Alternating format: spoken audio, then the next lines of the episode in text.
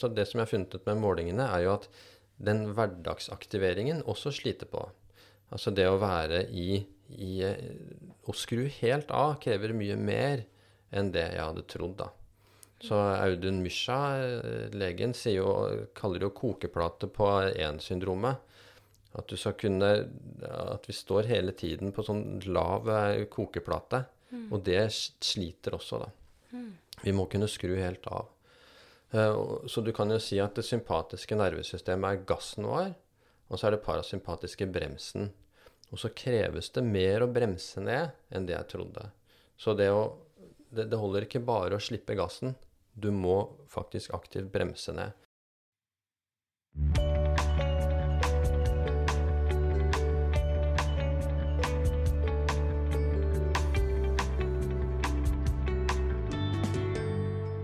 Hjertelig velkommen til podkasten 'Leger om livet'. Jeg heter Anette, og jeg jobber som lege.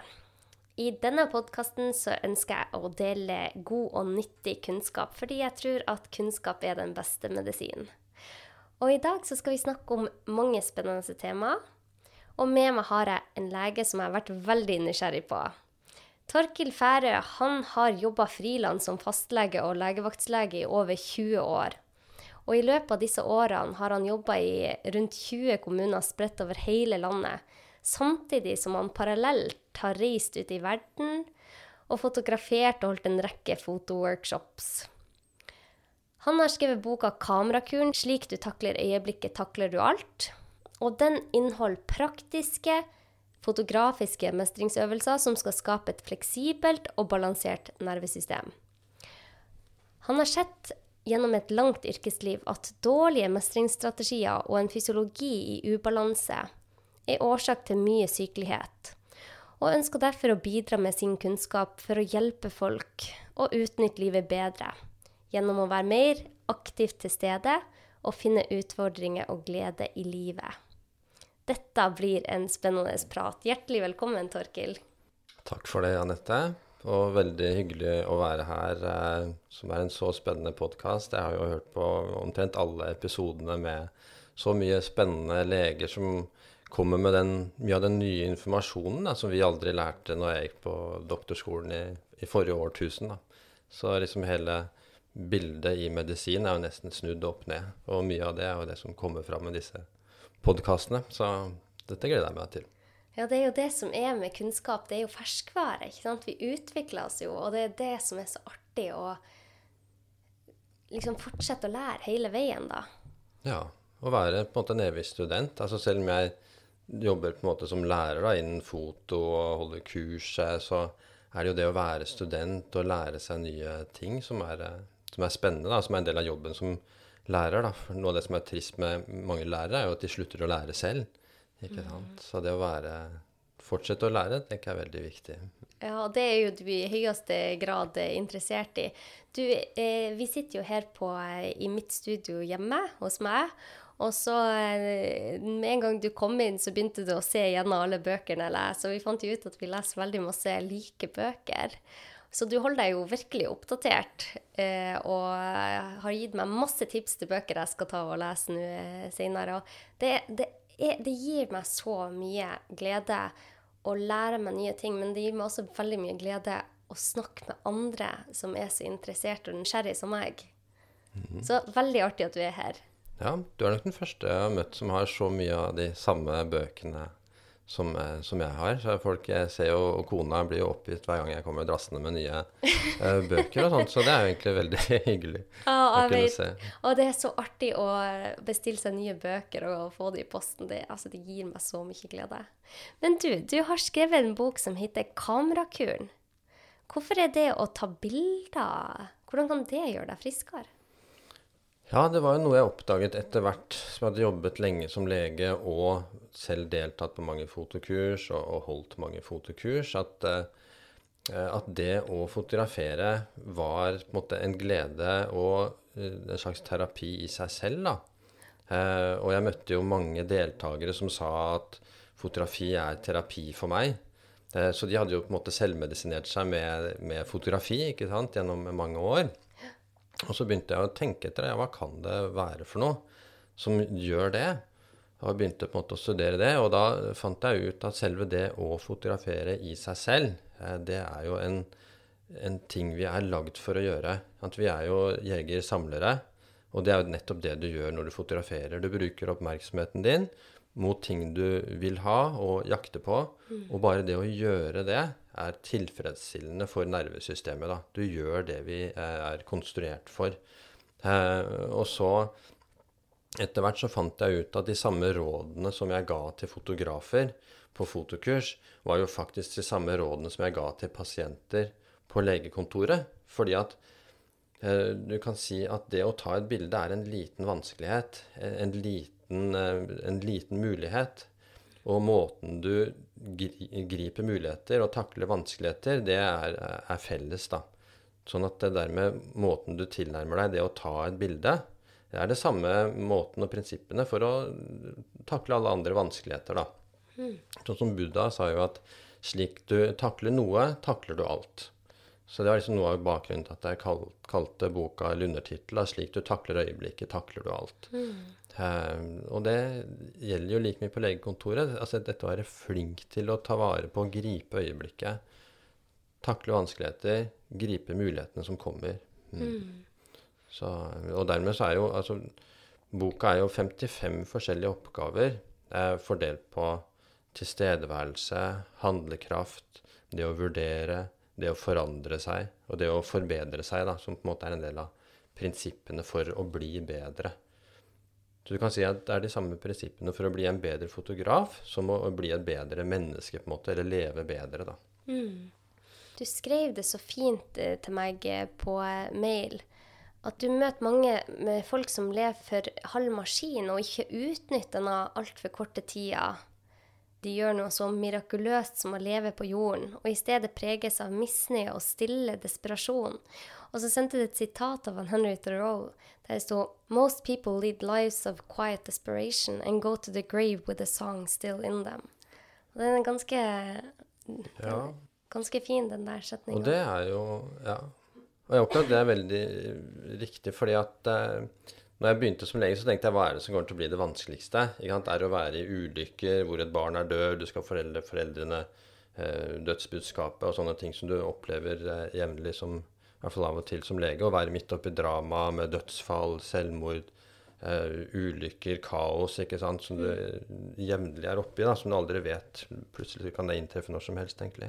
Mm. Uh, men det er ikke det som er vanskeligst. Det var det å se den mengden med folk som som er nesten slags, slags levende døde, da.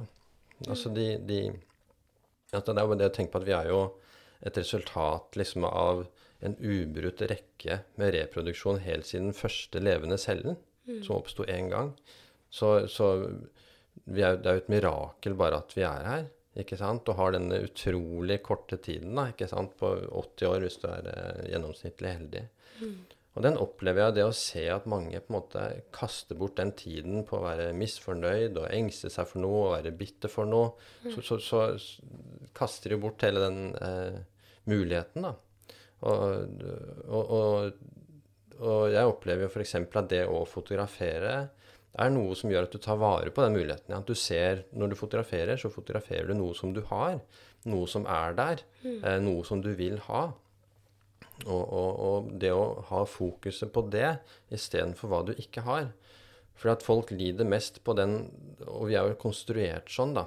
At vi har mer fokus på det som vi mangler, enn det som vi har. Mm. Eh, og det er den, den mangelbiten, selv om den kan være liten, plager oss hele tiden. Jeg tror det er Nietzsche som sier at, det jo, at egentlig så er det som vi sitter på en gullkiste og tigger. Vi ser ikke at vi sitter på, på gullkisten. da, på mm. Så, um, Men hvorfor er det sånn? Hvorfor tror du det er så mange som har det sånn? Nei, vi, vi, vi stammer jo fra Det er mange grunner til det. Vi stammer jo fra de som har vært mest fokusert på det de ikke de har. Eh, det er de som har brakt genene videre. De som var veldig fornøyde og klappet seg på magen og var fornøyd. De menneskene og stammene døde jo ut. Mm. Eh, sånn som Homo erectus, eh, det, det mennesket som var før, før oss, det er Homo sapiens. De bevegde seg mindre. Homo sapiens som art søkte hele tiden nye steder, var mer kreative. Mm. Kreativitet er jo en av grunnene til at man måtte kunne identifisere Homo sapiens De så at de lagde smykker, de lagde ting, de lagde bilder. Så vi er egentlig like mye som det kloke mennesket, så er vi det kreative mennesket. Sånn at eh, jeg tenker at skaperkraft er en del av det som, som man trenger da, for å leve et godt liv. Da. Og så eh, merker du at mennesker føler at ikke de får skapt noe, at ikke de er viktige, eller hva, hva, hva føler du at det er den største grunnen til at folk eh, lead quiet, desperate lives? Ja, de føler ofte at de ikke er gode nok. da. De sammenligner seg med andre. Det er vi også lagd for. da. Som pattedyr så er vi, er vi lagd for å sammenligne oss med andre. Eh, og vurdere om vi er bedre enn dårligere enn andre. Hvis vi er bedre enn andre, så får vi på en måte en slags serotoninkick. Og hvis vi føler oss dårligere enn andre, så får vi et kortisolkick og føler oss deprimerte. Hvis andre gjør det bedre enn oss. Det er et innebygd system eh, som vi har nedarvet, og som vi på en måte må overstyre. Vi må bevisst tenke at eh, at ja, jeg er bra nok, eh, selv om måte systemet vårt prøver å overbevise om at vi ikke er det. Eh, og så må vi kunne ha begge de delene samtidig. Vi må kunne si at jeg er, eh, jeg er perfekt, og jeg kan bli bedre. Ikke sant? Ha begge de to tankene i hodet samtidig. Å, herre min, men det er vanskelig, da. Ja, det er vanskelig, men det er mye vanskeligere å ikke gjøre det. Ja. Ikke sant? Og det er jo noe, og det er jo noe når jeg begynte å jobbe som eh, lege, ikke sant? Så, så ser du jo visse mønstre. Du ser det kanskje ikke på de første 1000 pasientene, kanskje ikke engang på de første 5000 eller 10 000, men når du har hatt 50 000 forskjellige pasienter, sånn som jeg har hatt, og, og mer enn det, så, så, så ser du tydelige mønstre. Det er ikke tilfeldig hvem som får det til, og hvem som ikke får det til. Mm.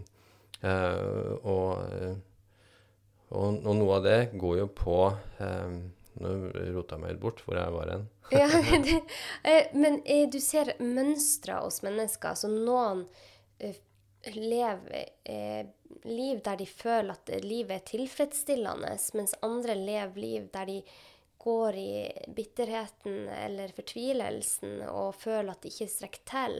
Men hva vi, kan, vi skal gå inn på dette med nervesystemet, og fysiologien vår er jo veldig viktig for hvordan vi takler ting. Men du sier at man kan overstyre det. Hva mener du med at man kan overstyre det? Ja, nå husker jeg hva du sa. Og no, noe av det som er felles med de som har vanskelig for å få til ting, er at de gir grunnen at ja, det er vanskelig. Det er lettere sagt enn gjort. Det er lett for deg å si, f.eks. Uh, og da tenker jeg at du, du, du, det er mye vanskeligere å ikke gjøre det. Så det er lettere å gjøre det som er vanskelig. Etter hvert så vil det bli lettere øh, å gjøre ting, da. Ja. Så, og det har jeg alltid tenkt, at hvis jeg har to valg, så vil jeg alltid ta det vanskeligste, og ikke det letteste. Uh, over tid så gjør det da lettere for deg selv. Og det er jo noe som er fellesmåte, for, for det er ikke tilfeldig hvem som får til ting. Eh, ikke sant? Og det samme det så jeg i fotografi òg. Hva er det som er felles for de som får de gode bildene? Og det ble mye lettere å se på fotokurs, hvor du sender ut kanskje tolv deltakere. Hvem får til det de vil? Ikke sant? Som å fortsette å prøve og prøve og feile. For det er jo Jeg hørte på en podkast en gang, og jeg syns det var så fint, for at de snakker om dette med å være i flow og, og, og utvikle seg. Og så sa han eh, podkastverten sånn Ja, er de mer fornøyd, de som er i flow hele tida? Så sier han nei, det, det merker han ikke, sa han legen. Eh, De er ikke mer lykkelige i den forstand. Fordi at man, ved å gå utfor sin egen komfortsone, så er du ofte ukomfortabel. Men du føler på en mestringsfølelse, og du blir tryggere med deg selv. Så han mente at det gjorde at man fikk det bedre. Men man hadde ofte kjipe perioder for det, og det merka jeg jo selv. ikke sant? Jeg har jo virkelig gått ut av komfortsonen min. Jeg var jo midt i spesialiseringen min til å bli hudlege. Alt var eh, lagt til rette for at dette skulle være en fin og rett vei til å bli hudlege. Og så tråkka jeg utfor komfortsonen min og starta podkast og skriver bok og skal holde kurs. og Alt dette krever utrolig mye krefter hele tida. Jeg må lære meg nye ting. Jeg må sjekke liksom, hvordan starter man en podkast. Hvordan begynner man å skrive en bok? Det er kjempevanskelig i starten. Men, og ofte så tenker jeg at dette er for vanskelig. Og så mediterer jeg eller får en god natts søvn og så tenker jeg dette skal jeg klare. Mm. Men det skal jo være vanskelig, ikke sant? Og, og, og, og, mange har jo som på en måte minstekravet er å være fornøyd, men du blir jo aldri fornøyd. Så hvis du har satt deg målet om at du skal bli fornøyd, så vil du jo aldri nå det. Ja. Eh, Så du må på en måte være fornøyd med å ikke være fornøyd. Eh, og litt sånn som Kasper Scheip sa i en av de forrige podkastene, at du må bli god på å være dårlig. Ikke sant? Og, og, og, det så jeg og Opplevde jeg selv som eh, fotograf, at, at det, det at jeg tålte å være en dårlig fotograf, eh, men likevel syntes det var så interessant, det var viktig. Ja. Ikke sant? Det det å, å tåle å være dårlig. Alt, alt som er verdt å gjøre, er verdt å gjøre dårlig. Eh, sånn at Noe som sperrer for mange i fotografi og livet ellers, er jo perfeksjonisme, f.eks. Mm. Så, så du må på en måte tåle at du har gjort noe godt nok. Eh, Så, så en av oppgavene f.eks. i kamerakuren er jo 'godt nok er best'. Eh, For at du hele tiden skal prøve å anstrenge deg for at det skal være best og perfekt hele tiden, så vil du jo slite deg ut, og, og resultatet vil bli dårligere. Du var inne på sant, fysiologien vår og genetikken. Og da kommer vi litt inn på nervesystemet. For du skriver en bok nå om bl.a. hvordan nervesystemet fungerer. Og du er opptatt av at stress, det er jo ikke bare dårlig. Kan ikke du fortelle meg hva du mener med det? Det er stress, altså, og, og det sa jo altså, Hans Sely, som var den som introduserte stressbegrepet, sa jo med en gang at det finnes godt og dårlig stress. Og av en eller annen grunn så har folk eh, blitt mest opptatt av det dårlige stresset. Men vi er jo lagd for å stresse. Vi er konstruert for å stresse. Og når du kjenner liksom at pulsen stiger og du føler deg stressa, så er det egentlig bare kroppen som prøver å forberede deg på en, en anstrengelse. Eh, uansett om den er å sitte på podkast eller eh, trene eller, eller ha et foredrag eller et møte med sjefen, så, så, så vil det stresset prøve å mobilisere deg. Og da bruker mange mye krefter på å prøve å motvirke det stresset og dempe det. Eh, Og bruke masse krefter på det. Ja. Men det, det trenger du ikke å gjøre. Du kan godt ta fem dype pust for å redusere det litt, få litt kontroll over det. Men mest av alt så bør du tenke at dette er noe som, eh, som mobiliserer. Dette er en hjelp for meg. Jeg skal heller ri denne bølgen eh, enn å prøve å stoppe den, for det klarer du ikke. Eh, sånn at eh, det å utnytte stress positivt, da. Eh, og det viser seg jo, og det ser jeg jo som lege òg, at eh, de friskeste folka er jo de som er så opptatt av ting de driver med, at de er jo aldri på legekontoret. Blir jo ikke sjuke, er nesten resistent mot sykdom. Så lenge de klarer å ha kontroll på det, og så lenge de klarer å restituere nok innimellom, eh, så er faktisk de som stresser mest, sånn objektivt sett, eh, er også de friskeste. Mens de som eh, stresser masse Mye av forskjellen går på om du har kontroll eller ikke. Så hvis du kontrollerer stresset, så tåler du mye mer enn om andre kontrollerer stresset. Så der hvor folk har stress som kanskje skyldes en syk ektefelle eller en dårlig sjef på, på jobben, eller ting som de opplever som utenfor deres kontroll, eh, så blir de mye sykere enn de som har valgt det selv. Så når man velger det selv, ikke sant? man velger at man skal drive podkast og skrive bok og holde kurs og ja, alt mulig, da, det er et stress jeg selv har valgt. Og da er det på en måte et godt stress hvis jeg òg er god på å restituere imellom slagene. Men hvis noen hadde tvunget meg til å gjøre det, så hadde det føltes på en helt annen måte. Og, og også i det du eventuelt ville miste kontrollen, at du føler at du har mista kontroll over podkasten. Det er folk som river og sliter deg i andre retninger enn det du vil, og du må kanskje stille opp og gjøre mer enn det du hadde tenkt. Eh, Da vil du også bli utbrent, altså en type positiv utbrent. da. Ikke at Du kan bli fort utbrent av påkjenninger du ikke vil ha, eh, påtungt utenfra, men du kan også over tid bli utbrent av eh, positive stress, da, som, som du bare har jobba for mye, sovet for lite, blitt utslitt. da. Så det går jo på det autonome nervesystemet. da. Vi har jo, Det autonome nervesystemet er jo det grunnleggende. Du kan jo si at vi kan dele hjernen inn i tre deler, sånn veldig grovt sett. Eh, sapienshjernen, som tenker og filosoferer, og pannelappen, det som skiller oss fra andre pattedyr. Og så har du pattedyrhjernen, eh, med følelser og eh, intuisjon, og som vi deler med alle andre pattedyr. Men under det igjen så har du på en måte den som mangler snubler i. Eh, og det er det autonome nervesystemet. Det som vi har til felles med reptiler og nærmest alle virveldyr. da. Det systemet som er av-på-systemet. Og det er ofte det systemet som folk blir sjuke av. Og problemet når folk blir sjuke av en ubalanse i dette systemet, er at det gir seg symptomer som enten kan være fysiske eller psykiske. Eh, og så blir det plutselig behandlet, plutselig så behandler vi som lege symptomene istedenfor å gå på det grunnleggende, som er eh, fysiologien. Ofte så spør vi oss er det er det fysisk eller er det psykisk, men ofte så er det fysiologisk. Ja. Vi har stressa for lite, spist eh, for mye, sovet for lite. Eh, og, og så ligger ubalansen der. Alkohol, andre ting som, som, eh, som kan sette dette grunnleggende grunnmuren i nervesystemet vårt ut av balanse. da. Så det, det tenker liksom, det er som om grunnmuren skjelver, og så sitter vi på en måte i andre etasje og prøver å jobbe med tanker og sånt, men, men de ville kanskje blitt løst av en bedre balanse i det grunnleggende. da. Det er ikke nødvendigvis sånn at det å få balanse i det grunnleggende nervesystemet ville løst problemet, men det ville gitt deg overskudd til å løse det. Eh, sånn, sånn ser jeg på det i hvert fall. Hvordan kommer man seg ut av reptilhjernen sin, da?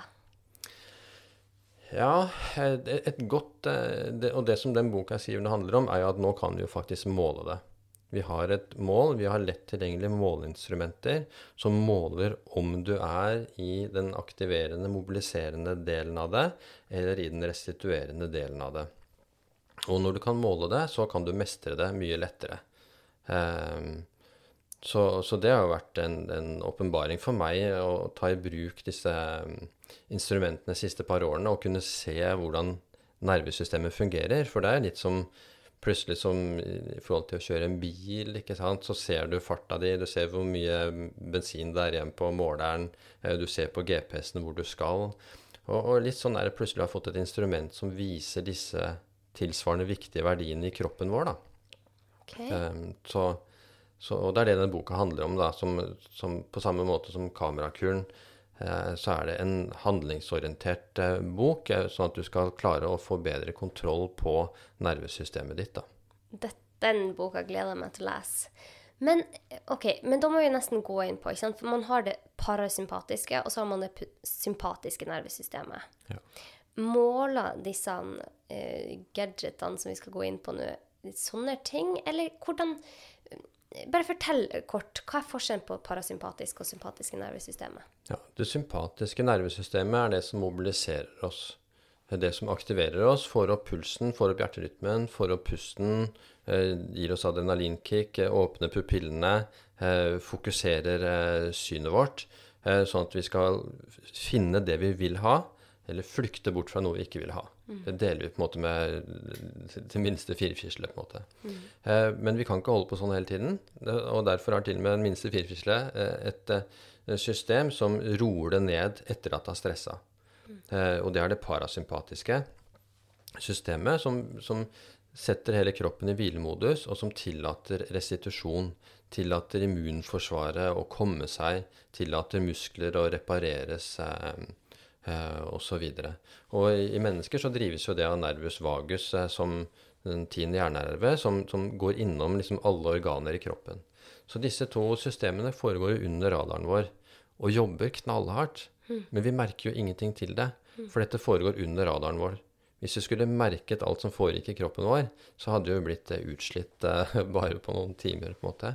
Eh, sånn at vi har jo på en måte en slags Vi har ikke noe sans for dette her. Vi har gode sanser utover. Øyne, ører, nese, ikke sant, berøringssans. Som vi har hatt behov for gjennom eh, evolusjonen. Men vi har nok ikke hatt det samme behovet for å kjenne på kroppen vår. Litt fordi at det har kommet automatisk med livsstilen. Vi har vært ute og jakta og flykta og slåss, og så har vi slappet av. Og det har vært mørkt neste halvparten av døgnet, og da har vi hvilt. Eh, Sånn at det har vært innebygd i livsstilen.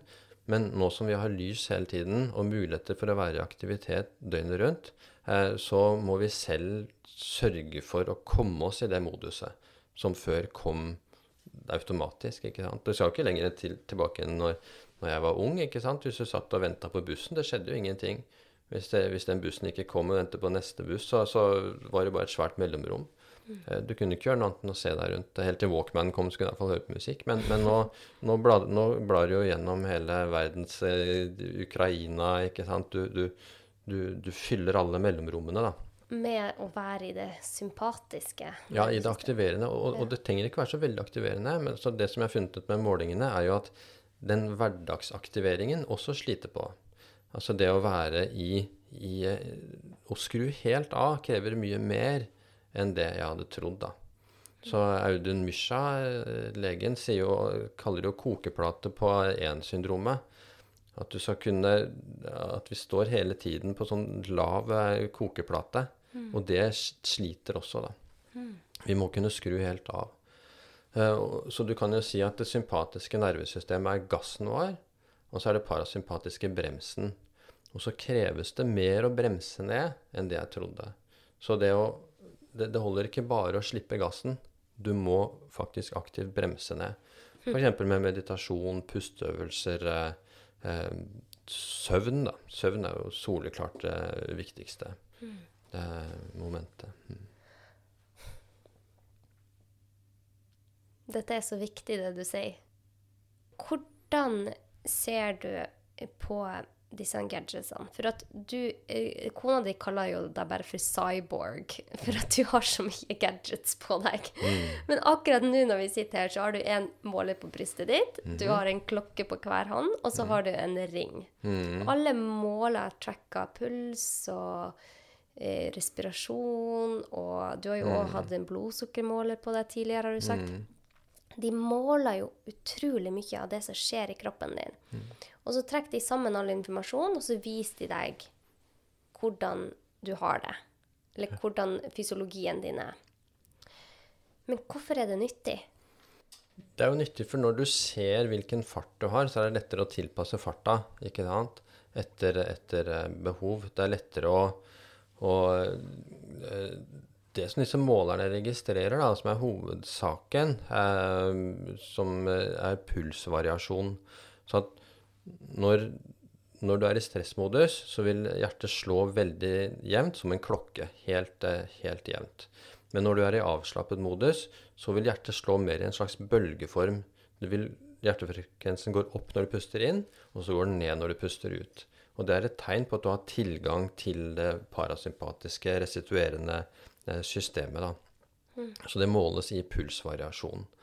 Ehm, så alle disse instrumentene måler det. Nå har jeg selvfølgelig mange på meg fordi jeg holder på å skrive bok. Ja, ja. Um, og, og prøver å sammenligne de forskjellige instrumentene, se hva som kan anbefales, hvordan man kan bruke de forskjellige. Mm. For at det finnes mange, uh, mange forskjellige metoder, og så gjelder det å finne den som passer deg, da. Ja. Uh, og det kommer an på egentlig hvor Altså hvor viktig er det for deg å ha kontroll på nervesystemet? Så hvis man f.eks. aner at eh, nervesystemet er helt ute av balanse, så har man kanskje behov for den som jeg har på brystet, som er mest nøyaktig, som også koster mest, og som du kanskje må ha veiledning for å, å, å følge opp. Men hvis måte, livet ditt står på spill, og, og, eller funksjonen din, prestasjonsevnen står på spill, så er nok det sikkert verdt den innsatsen. da.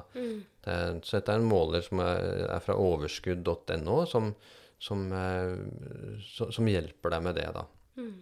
Og så har jeg også en Garmin-klokke som, som gjør veldig mye av den jobben på en klokke som eh, folk allerede har.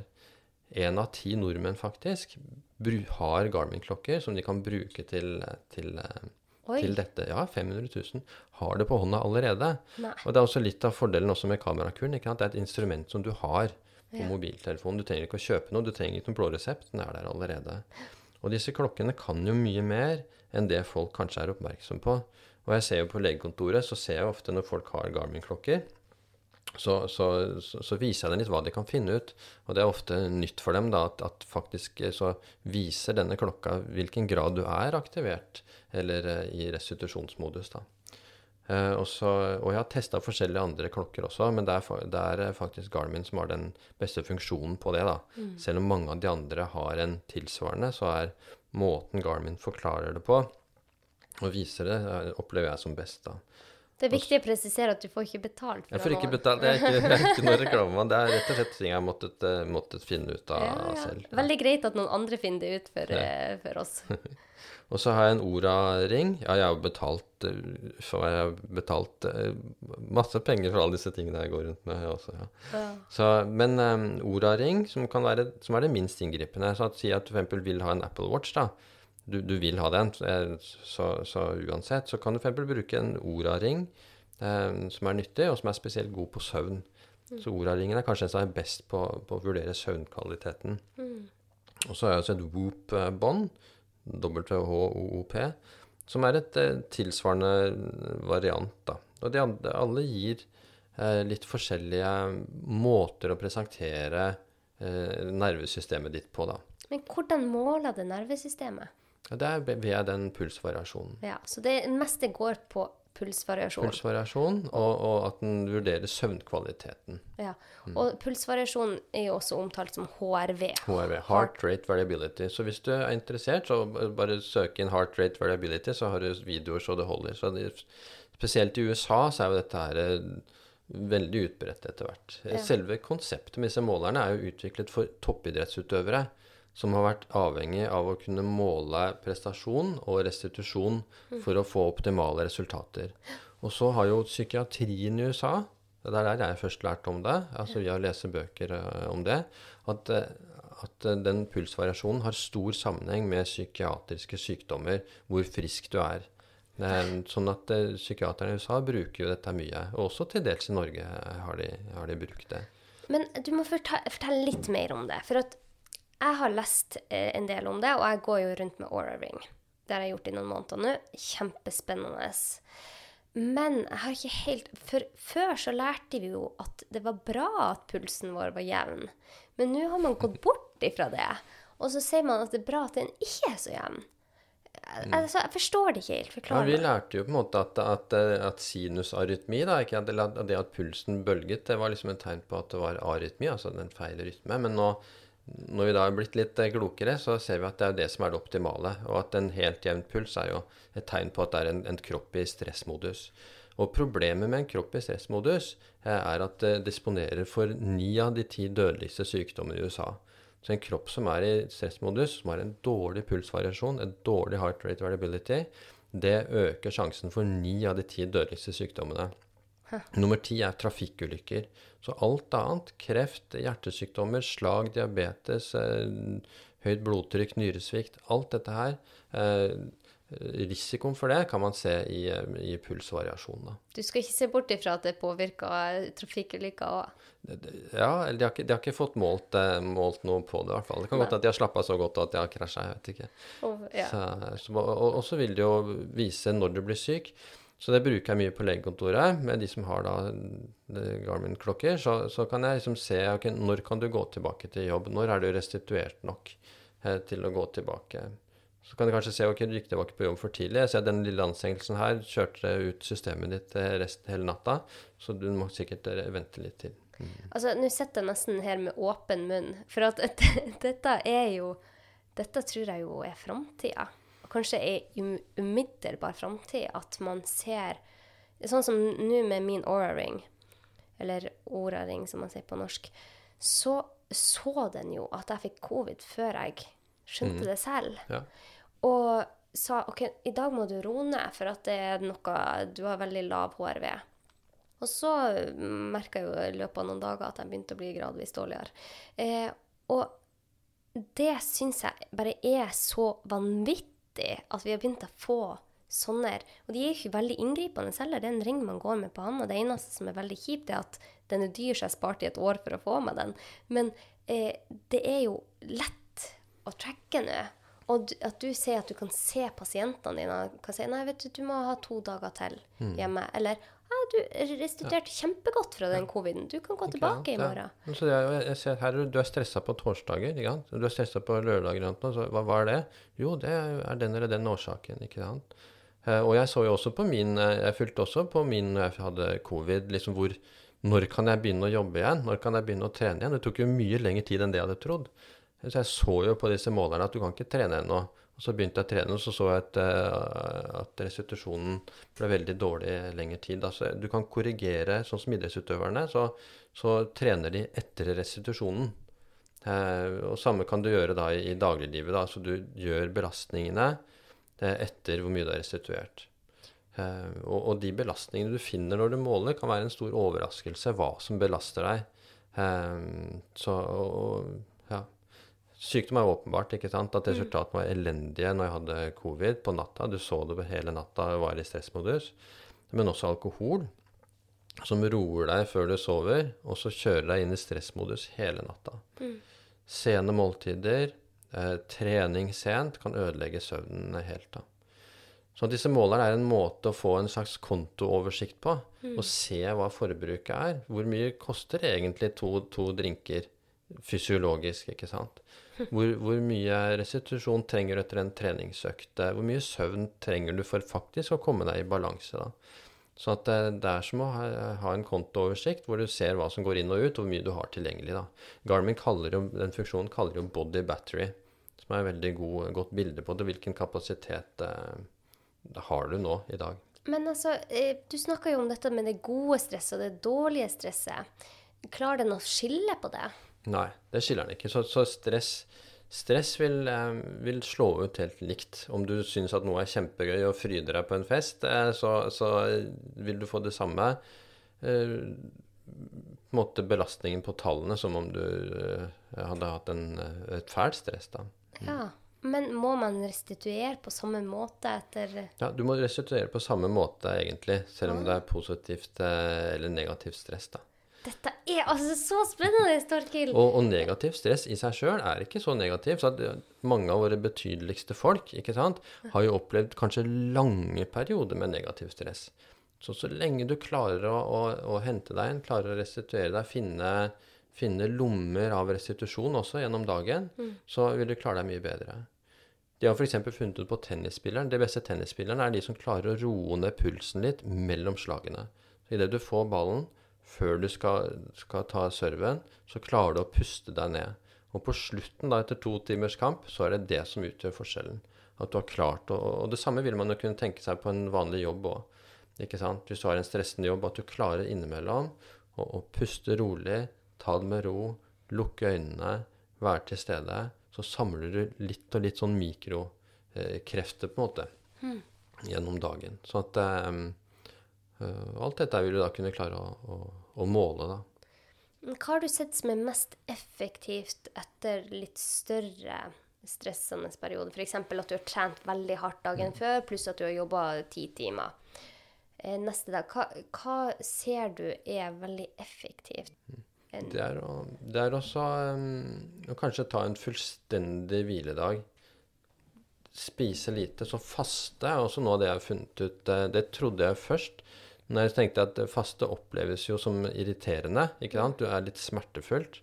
Og da tenkte jeg at nå gir det utslag på stress. Det gjorde det ikke. Tvert imot.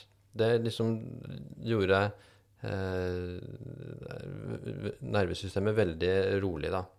Som kanskje er noe av bakgrunnen for at de etter hvert har funnet ut at periodisk faste er så sunt. da. Ja, um, For da bruker ikke man masse energi på å fordøye maten. Ja. Ja. Man bruker det på å liksom, håndtere kroppen generelt. Mm. Hm. Så, så, det har vært veldig effektivt. Og det å ha rett og slett hviledager Du kan tenke deg at alle religioner har jo en hviledag. Ja. Og det er nok en grunn til det. For at, at, du, at du skal kunne klare å komme deg som kanskje noe av det som har vært eh, suksessfaktoren for de religionene, da, er at utøverne av den har hatt den hviledagen og på en måte hatt mer krefter, da, eh, kan man tenke seg. Det er iallfall at de har funnet ut at det er, at det er viktig. Da. Til og med Thor Heyerdahl hadde jo hviledag på søndager. ikke sant? Det er sånn at det å Jeg tenker litt som, som det, hvis du ser for deg selve EKG-rytmen. E mm. At, at, du må klare å få rytme i livet. At du må kunne klare å være i balanse, og så må du klare å, å få en sånn spike opp. ikke sant? Du må kunne klare en kraftanstrengelse, og så må du klare å bremse helt ned. Mm. Også lynkjapt etterpå. Og så at du finner en, en rytme. For det, det, er også like, det er like mye sykdom egentlig blant de som har lite stress. Sånn at er, mange av de sykeste som er mest deprimerte, har jo veldig lite stress. Så du, du, må ha en tilstrekkelig mengde stress også, som, som du utvikler deg på. Mm. Så at um, kapasiteten vår er jo akkurat som muskelbygging. Altså hvis du ikke, hvis du ikke trener på å bruke kapasiteten din, uh, så, så, så, blir du også svakere da. Mm. Det er som alt annet å finne en middelvei. Man vil ikke ha for lite av det heller. Mm. Og det er jo akkurat liksom i startfasen, føler jeg. Du har jo lest om dette i lang stund, og du er jo veldig frampå. Men for meg som er så interessert i all ny kunnskap, jeg har nettopp begynt å lese om det her. Så det er jo helt i startgropen, føler jeg. Mm. Ja, og det er jo fortsatt overraskende hvor lite dette er kjent. Altså Når jeg snakker om pulsvariasjon og HRV, så, så, er det nesten ingen leger jeg kjenner som kjenner til det. De vet ikke hva det er. De tror at det kanskje er hvor mye pulsen er en viss tid av dagen i forhold til en annen tid. på en måte. Mm.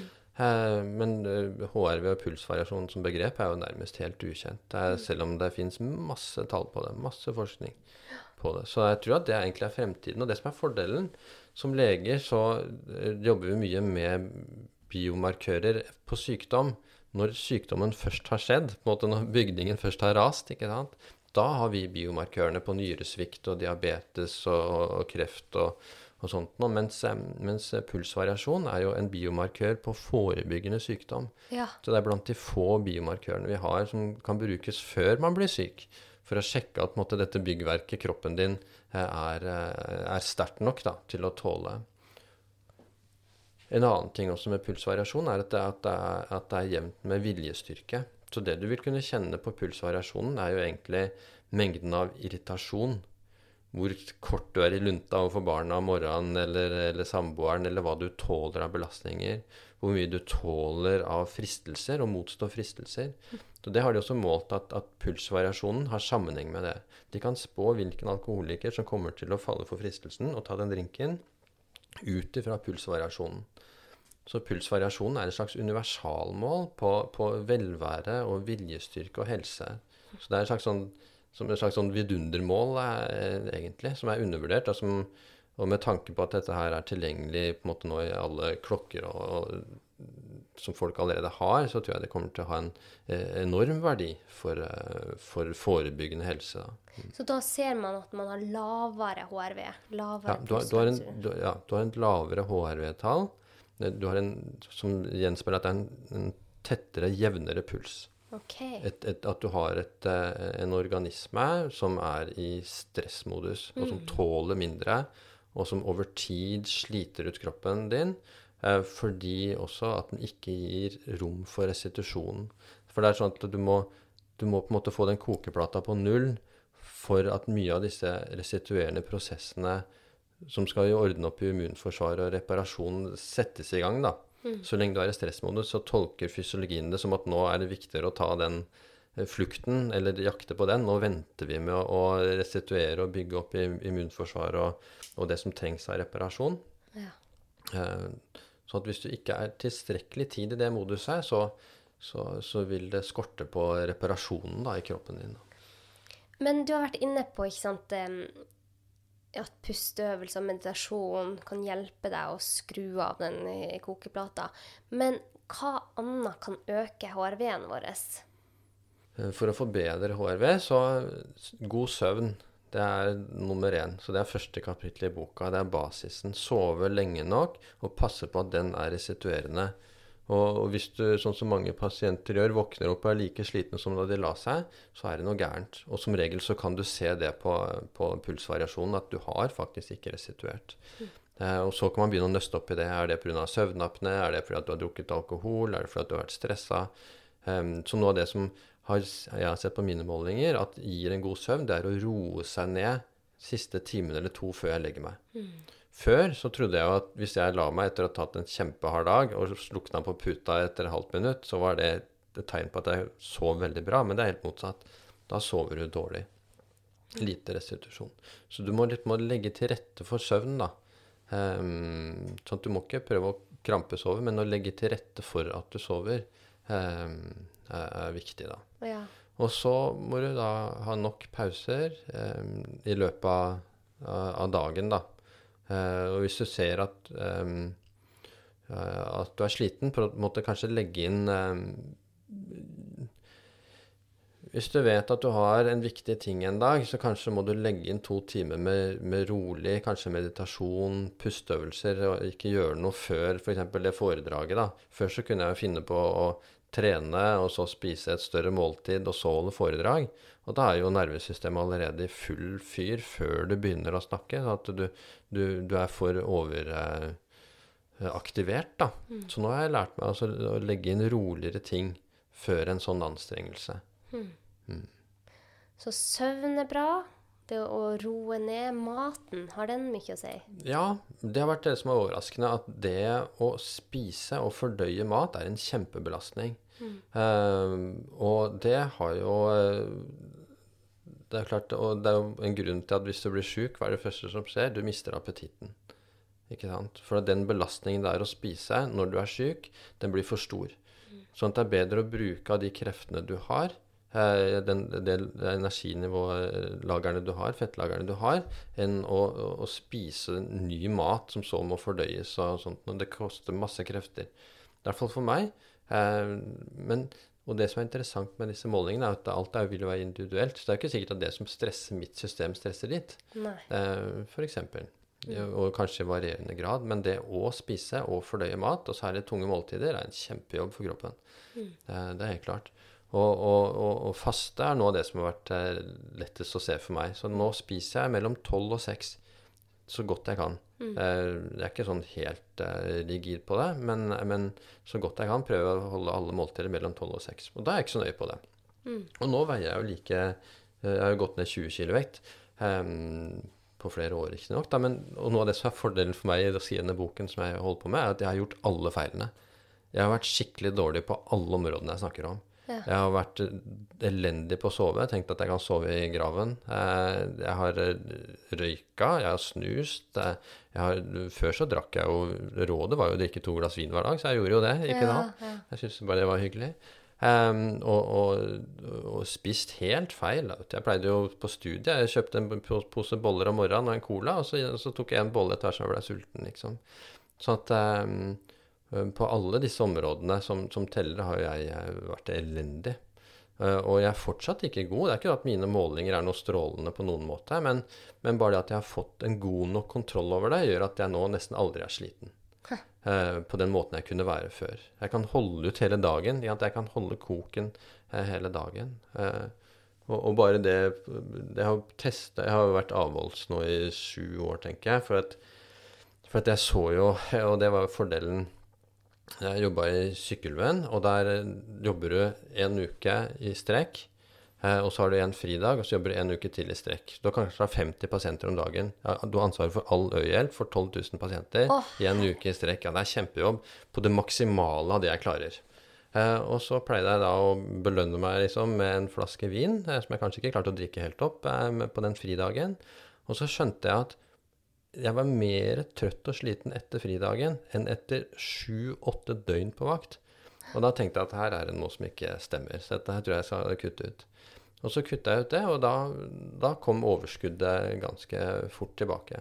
Og når jeg har testa senere, bare med et par glass eh, vin, så, så, så kommer den slitenheten tilbake, f.eks. Så, at, eh, så jeg opplever at selv om jeg ikke Jeg har sikkert bare sånn gjennomsnittlig resultat på disse målingene, men det gjør at jeg har nok overskudd. da. Det er bra nok. Det er sånn at eh, man trenger ikke å stresse med å gjøre det perfekt, men, men, men at man får et nervesystem som spiller på lag med deg, da, og som ikke motarbeider deg, i hvert fall. Mm. Og det er et viktig poeng, at man ikke skal stresse etter å bli bedre og bedre og bedre. Men hva er gjennomsnitts, eh, gjennomsnittlig HRV? Ja, det varierer, så det er personlig. Altså som, og, og det er ikke sånn at en som har HRV på 35 nødvendigvis er friskere enn en på 55. på en Så du må, gå, du må ta utgangspunkt i ditt, ditt tall, da. Og det gjør jo mange av disse instrumentene. De, de bruker litt tid på å, å eh, hva heter det, å kalibrere seg etter ditt eh, system, da. Um, så, så du må ta utgangspunkt i hva, hva du har på det beste. da F.eks. kanskje etter en hel hviledag. Hvilken, hvilken pulsvariasjon er du i stand til å få? Eh, ikke sant? Så min kan jo f.eks. på covid, eller hvis jeg har vært ute med, på fest med gutta fra militæret, så er jo HRV-en min kanskje på 15. Ja. og, og på en god dag jeg er uthvilt, så er den kanskje 50. Okay. Eh, og så ligger de fleste dagene på, på Så lenge dagene er mellom 30 og 40, kanskje, så vet jeg at jeg er innafor sonen som jeg fungerer godt i, da. Ok. Ja, det er kjempespennende. Jeg skal sette meg mer inn i dette. For jeg, jeg bruker jo åringen min mest til å se på søvn. For jeg syns det er så artig å se hvor mye dyp søvn jeg får, og remmesøvn, og hvor mange ganger jeg har vært våken med barna. og det er jo... Men det, jeg var i en podcast, jeg var gjest i en annen podkast her om dagen. Og da sa de sånn Ja, men jeg blir så stressa av å gå med sånne der ting. Jeg blir så stressa for jeg ser hvor elendig jeg er. Hva er tipset for de? Ja, det det er jo tipset at altså, Det er jo Altså, du må på en måte tåle å se, se virkeligheten på et vis. Det er jo det som er fordelen med kamerakur nå. er At så, du får et resultat som er synlig. Ikke sant? Og så må du forholde deg til det resultatet. Og hvis du er så redd for å få se hvordan tilstanden er, så har du egentlig et annet problem, da. Som du kanskje må takle først. da, At du må, at du må tåle å se realitetene eh, og se hva du kan gjøre. Du må, du må, starte med det. Hvis ikke du starter med å klare å se hvordan realiteten er, så, så vil du ikke klare å få det til da. Mm. Så, og jeg vil nok tro at eh, jeg tenker at Hvis du klarer å følge med i 80 km i timen i bilen og se på hvor stor fart har du, hvilken gir har du, hvor mye er igjen på bensinmåleren og hvor er du skal hen på GPS-en, ja, da klarer du dette her også. Mm. Så, så, det er bare det å at vi er vant til å måle mulige andre ting. Vi har apper som måler kontobevegelser og, og, bil, og, og, som kommuniserer. Uh, og, og nå skal du lære å måle farta på deg selv og kommunisere med ditt nervesystem. da og bruke den til faktisk som det som er det viktigste å holde kontroll på. da. Mm. Og så vil det kanskje innebære en viss periode som du, du, sliter med å på en måte takle den eh, Temme den hesten, på en måte. Men det, det, er eh, Og det er vanskelig, men det er som sagt vanskeligere å ikke gjøre det. Det er jo veldig gøy å lære om egen kropp og helse. Men er det noen plasser for det er sikkert mange som har lyst til å finne ut mer om dette. Men er det noen plasser man, noen nettsider eller noen steder man kan oppsøke for å, å, å, få hjelp med det her? Og komme i gang med å endre livsstil? Og, for man har jo fastlegene, og man har jo legene. Men det er jo Jeg tror ikke fastlegene Jeg har inntrykk av nesten ingen vet noe om det. Men, men, men, det er jo fordelen med vår tid, at på YouTube så vil du finne det som trengs. Okay. Sånn at du vil finne på ditt instrument eh, om det er en hvilken som helst klokke, så vil du kunne google deg fram til noen som kan fortelle deg det. Mm. Og finne ut hvem er, som, hvem er, det som, kan det. Hvem er det som kan det du ikke kan? ikke Det er også noe som er prinsippet i kamerakuren. Se deg rundt. Hva er det du ønsker å oppnå? Hvem er det som kan det du ønsker å oppnå? Kan du spørre dem og finne ut av hva de gjør? Mm. For det er ikke tilfeldig. Det er ikke tilfeldig hvem som har flaks og uflaks. Det går jo mye på oppmerksomhet. Altså er du, er du oppmerksom på mulighetene og, og, så griper dem, så vil du si at du har flaks. Og hvis du er uoppmerksom og du lar det gå forbi deg, så har du uflaks, da. Mm. Så, så um, mm. Ja, men så bra. Da kan man søke på nett, og du har nevnt noen eh, gadgets her som du anbefaler. Mm. Du beskrev det her med at eh, med noen steder i helsevesenet man kan ta kontakt for å liksom endre litt bare på hvordan man spiser og lev og trening og For alt dette vil jo påvirke din HRV. Er det noen steder man kan ta kontakt? Ja, du har jo frisklivssentraler som skal være i funksjon rundt hele, hele landet. Da. Hvor mye de eh, kjenner til akkurat dette her, dette verktøyet, det vet jeg ikke. Men de skal jo kunne bistå med livsstilsendringer. Ja. Eh, både på, med kost og trening og og ellers, da? Ja, for det er veldig mange som skriver til meg. Jeg vet ikke hvor jeg skal begynne. Jeg har en episode f.eks. om trening, og så sier de men jeg vet ikke hvor jeg skal begynne. Jeg trenger noen å bare holde i hånda med i starten. Eller jeg vet ikke hvor jeg skal begynne med å endre kosthold. Så det er veldig fint. Så det finnes frisklivssentraler to tredjedeler av landet. Så det kan man ta kontakt med. Eller så finnes det utrolig mye fine grupper på nett nå, har jeg sett. Der man eh, deler HRV og status og liksom heier på hverandre. Så det finnes også mange sånne nettforum. Eh, men eh, Torkil, jeg spør jo alltid mine lyttere i en eller annen form hva som skal til for eh, å få et godt liv. Hva du tror jeg skal til for å få et godt liv? Det er jo ganske mye, da, eh, som skal til. Livet er jo veldig komplekst og veldig avansert, da. Eh, men det er nok eh, mye det med å øve seg på å være fornøyd, da. Øve seg på å se, se hva man har. Altså sånn som Marcus Aurelius er som har sagt at tenk deg, se deg rundt på det du har, og tenk deg hvor mye vil du anstrengt deg for å få det hvis du ikke du hadde det. det bare sånne ting. Bare den bare det utrolig med at vi er jo blant de, vi jo blant de heldige som skal dø og bli sjuke. Mm. De, de, uheldige er jo ikke født engang, på en måte. Eh, sånn at eh, bare det å sette pris på øyeblikkene, eh, det, det, at vi kan puste, at vi kan se, høre, ikke sant, sanse, eh, det å være til stede være der du er eh, akkurat nå, og være oppmerksom. Ikke, ikke noe annet sted eh, i eh, en tenkt annen situasjon, ikke sant. Men, men, der du er, det tenker jeg er det sentrale. Og så har det jo også dette her med å unngå eh, å sammenligne seg med andre, unngå disse på en måte innebygde driftene kroppen har, da, jeg, hodet vårt har, etter å se etter det som er negativt, sammenligne med oss andre, se om vi er bedre.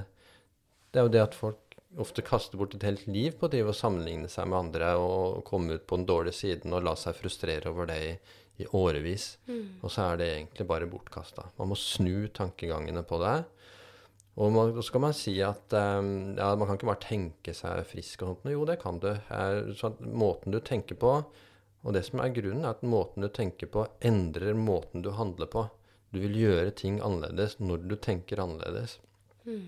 Og, og, og, der er det mye hjelp å få av selvhjelpsbøker. sånn at mange av de tingene du skulle slite med, fins det jo en hel bokhylle full av, av, tips. Og min erfaring etter å ha lest jeg har lest i hvert fall fire-fem ganger så mye som var pensum på medisinstudiet, er at de er ganske enige. Det er fra få vinkler. Det er de samme prinsippene som gjelder uansett hva du ønsker å få til av et godt liv. Så det, det, det er et forholdsvis lite antall prinsipper mm. som, eh, som, trengs å, å, øve seg på. Mm. Um, så det er på en måte å ta kontrollen over livet, eller så, eller så tar livet kontrollen over deg. Hvem, hvem, skal styre? Det er enten eller, på en måte. Mm. Og, og, vanskelig er det men, det, men det er mye vanskeligere å ikke gjøre det. Ja, det er en prosess, og det at det er vanskelig, gjør ikke det at eh, ikke man skal gjøre det. Man må hive seg ut i det, og det er veldig tilfredsstillende å lære om hvordan man kan få det bedre. For at jeg tror veldig, veldig mange av oss har hatt perioder i livet der man ikke har hatt det bra. Og det er et veldig godt utgangspunkt for å få det bedre. Absolutt. Altså det, det at en situasjon er dårlig Altså jeg lever jo på en måte ennå på det at jeg jo, ble jo mobba som, eh, som barn eh, eh, i et par år. Grisebanka Du visste aldri når du skulle få bank eller. Men, men det å være gjennom den vanskeligheten på en måte, som var så betydelig, gjorde meg jo så sterk etterpå at, at, eh, at motstandskraften min etter de ubehagelige opplevelsene var, ble jo nesten belønningen, og, og, kanskje en tid jeg aldri ville vært foruten. Jeg ville ikke trukket den ut av regnskapet mitt. på en måte. Mm. Sånn selv, og, og, en av de bøkene jeg har lest nylig, er jo 'Verdens eh, lykkeligste mann'. Han som var i, i, i konsentrasjonsleir Eh, i tre-fire år, eh, ikke sant, og, og, gjennomlevde det. Han Viktor eh, Frankel? Nei. Nei, ikke Viktor Frankel, som også gjennomlevde det, men, men jeg husker ikke hva han het, men boka 'Verdens lykkeligste mann' er kjempebra og, ja. og, lettlest og viser hvordan du kan utvikle motstandskraft og livsglede selv gjennom de aller verste tenkelige omstendigheter. Hm. Veldig spennende. Tusen takk for at du tok deg tid til å være med i podkasten min, Torkil. Tusen takk. Det har vært en kjempestor glede. Og det er fint for oss, eh, oss leger som er vant til å lytte. Eh, er, det er jobben vår å lytte, men det å kunne ha en anledning til å, å, å formidle det som vi lærer da, mm. Eh, av, av, den jobben vi har, som tross alt er mm, med det utsiktspunktet overfor livet da, som vi har, da, så bør vi egentlig være flinkere på å formidle det også, mm. ikke bare ta det inn. Det er derfor podkast er så fantastisk. Det er så lett å høre på, og det er så lett å formidle. Det, det, det er en veldig god motsats til alt dette som skal gå så kjapt og fort på sosiale medier. Sånn. Podkast er et rolig format, og man kan høre på det mens man er på joggetur. Men eh, da gjenstår det bare siste spørsmål. Og hvor er det mine lyttere kan nå deg?